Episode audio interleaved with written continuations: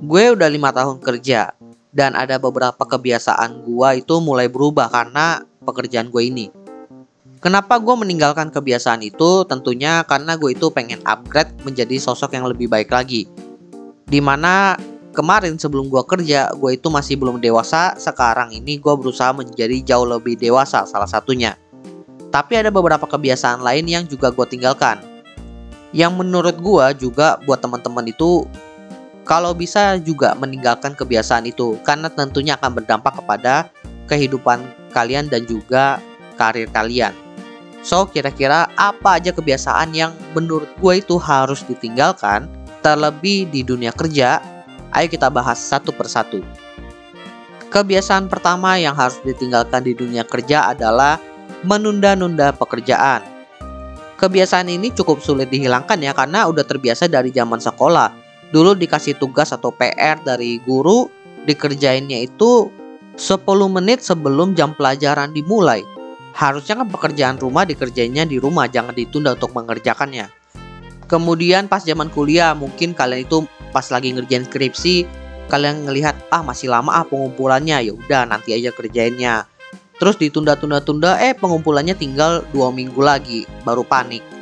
Nah, kebiasaan-kebiasaan ini nih yang nggak boleh dibawa ke dunia kerja. Kenapa? Karena kan di dunia kerja ya kalian itu kerja, melakukan pekerjaan kalian. Masa ditunda pekerjaannya? Perlu diketahui juga bahwa pekerjaan di kantor itu atau di perusahaan itu nggak akan ada ujungnya. Bakalan terus ada, bakalan terus bermunculan.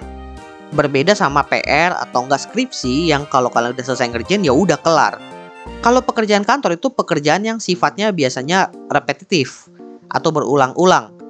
Sehingga kalau seandainya kalian itu menunda mengerjakan pekerjaan tersebut, nantinya pekerjaan itu akan terus menumpuk, menumpuk, menumpuk.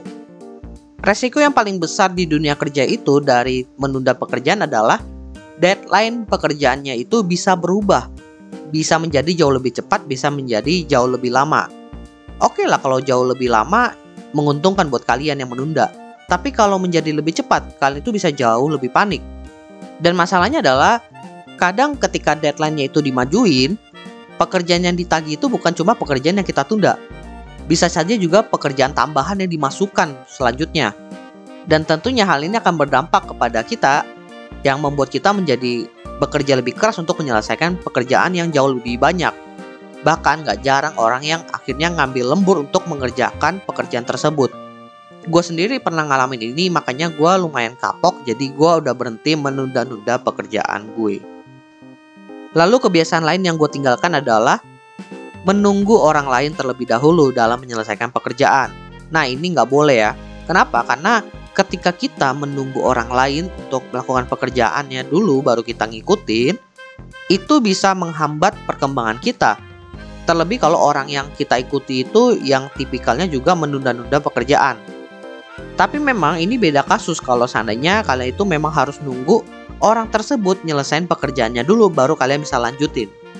Tapi dalam kerja sama tim, kalau seandainya kalian itu bisa nge-backup, backup lah pekerjaan tersebut. Jangan sampai karena kelalaian satu orang itu bisa berdampak kepada performa dari tim kalian. Kalau kalian itu belum terlalu paham dengan pekerjaan kalian gimana? Nah, di sinilah bagian kalian itu untuk self learning. Kalau kalian bisa melakukan self learning terhadap pekerjaan tersebut, tentunya kalian itu akan berkembang sendiri.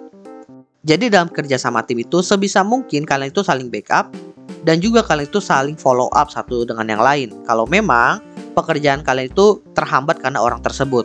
Intinya jangan terlalu pasif. Kemudian, Kebiasaan lain yang gue tinggalkan juga adalah tidak mau mendengarkan orang lain.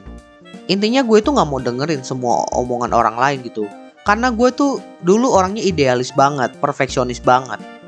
Tapi makin ke sini gue itu mulai belajar bahwa dalam mengerjakan satu pekerjaan itu kita ya nggak bisa bertumpu pada satu cara aja. Kita perlu menggunakan cara-cara lain gitu. Dan bagaimana caranya agar kita bisa tahu cara yang lain? Ya kita berkomunikasi, tukar pikiran, tukar pendapat, dengerin omongan orang lain. Tapi jangan salah paham ketika gue bilang mendengarkan omongan orang lain itu artinya semua omongan langsung masuk ke kepala gue enggak. Tetap ada banyak hal yang gue filter. Misalnya, omongan orang lain atau cara yang di-share oleh orang lain itu menurut gua terlalu beresiko nggak gua ikutin cuma sebatas oh tahu aja menurut gua juga dengan mendengarkan omongan orang lain ini ya ini bisa membantu meningkatkan kerjasama dalam sebuah tim karena kita itu saling bertukar pikiran dengan orang lain dengan bertukar pikiran ini tentunya ide yang keluar itu adalah ide hasil pikiran banyak kepala, bukan satu kepala aja. Dan biasanya kalau idenya ini udah dari banyak kepala, kalau memang ide tersebut itu salah, setidaknya dari semua anggota tim itu bersedia untuk bertanggung jawab atas kesalahan tersebut. Karena yaitu ide yang memang dipikirkan bareng-bareng. Kalau idenya cuma dari satu kepala, kemudian kalian ngotot, ngelakuin cara tersebut atau ide tersebut dan ternyata salah, yang kena impactnya adalah tim. Meskipun timnya mau bertanggung jawab, tentu ujung-ujungnya itu nanti komunikasi di dalam timnya tersebut menjadi jauh lebih keruh. Pokoknya nggak enak deh. Lalu satu kebiasaan terakhir yang mulai gue tinggalkan adalah tidak menjaga kesehatan. Dulu ketika gue itu baru mulai kerja, gue itu bisa dikatakan tipikal yang workaholic kerja dari pagi sampai malam, bahkan bisa pagi ketemu pagi lagi. Makan menjadi tidak teratur, kemudian gue juga kurang tidur, stres juga berlebihan, yang dampaknya itu membuat gue akhirnya secara kesehatan itu drop. Dan ketika drop itu ya gue menjadi orang yang tidak produktif. Gue sendiri tipikal yang gue itu nggak bisa nih kalau gue nggak produktif. Gue nggak bisa nih kalau gue itu leha-leha baringan di kasur sampai semingguan nggak bisa dan ketika itu gue sakit sampai semingguan dan itu rasanya nggak enak banget. Lalu gue mulai cari tahu kenapa gue bisa menjadi seperti ini. Gue selesaikan masalahnya dan sekarang akhirnya gue dapat menjaga kesehatan gue menjadi jauh lebih baik ketimbang sebelumnya. Meskipun kadang-kadang masih ada yang lolos-lolos juga, kadang-kadang masih drop juga, cuma tidak separah ketika pertama kali gue kerja dan drop di situ gue juga udah mulai rutin olahraga meskipun bisa dibilang intensitasnya itu masih jarang-jarang. Tapi gue berusaha juga untuk ngatur-ngatur jadwal gue sehingga gue itu bisa jauh lebih sering olahraga nih ketimbang beberapa minggu belakangan ini juga. Dari pola makan pun udah mulai gue atur, gue makan udah jarang banget telat dan dari makanannya jenis makanannya juga gue sesuaikan. Jadi yang yang nggak terlalu over-over juga sih. Jadi itu adalah empat kebiasaan yang dulu gue lakukan dan sekarang udah gue tinggalkan seiring berjalannya gue bekerja di dunia pekerjaan gue. Menurut gue keempat kebiasaan tadi itu harus ditinggalkan karena membuat gue itu menjadi jauh tidak produktif ketimbang gue sekarang ini. Dan mungkin buat teman-teman yang juga saat ini mengalami dan kalian itu punya tujuan ingin menjadi jauh lebih produktif, sebaiknya mulai perlahan-lahan meninggalkan kebiasaan tersebut. Gue juga paham meninggalkan kebiasaan yang udah dilakukan bertahun-tahun itu sulit, tapi bukan berarti nggak bisa. Tinggal cari caranya aja gimana kalian itu bisa meninggalkan kebiasaan tersebut perlahan-lahan. Karena setiap orang itu caranya berbeda-beda. Sesuaikan aja lah dengan intensitas kalian.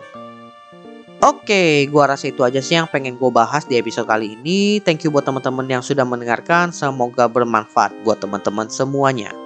By the way teman-teman, jangan lupa follow Instagram dan juga akun TikTok Opsiana Podcast di @opsiana_media karena di sana akan ada konten-konten menarik dan juga yang bermanfaat buat teman-teman semuanya. Dan juga kalian akan mendapatkan update dari Opsiana Podcast kalau nantinya ada episode terbaru yang rilis. So, jangan sampai teman-teman ketinggalan sama update-nya.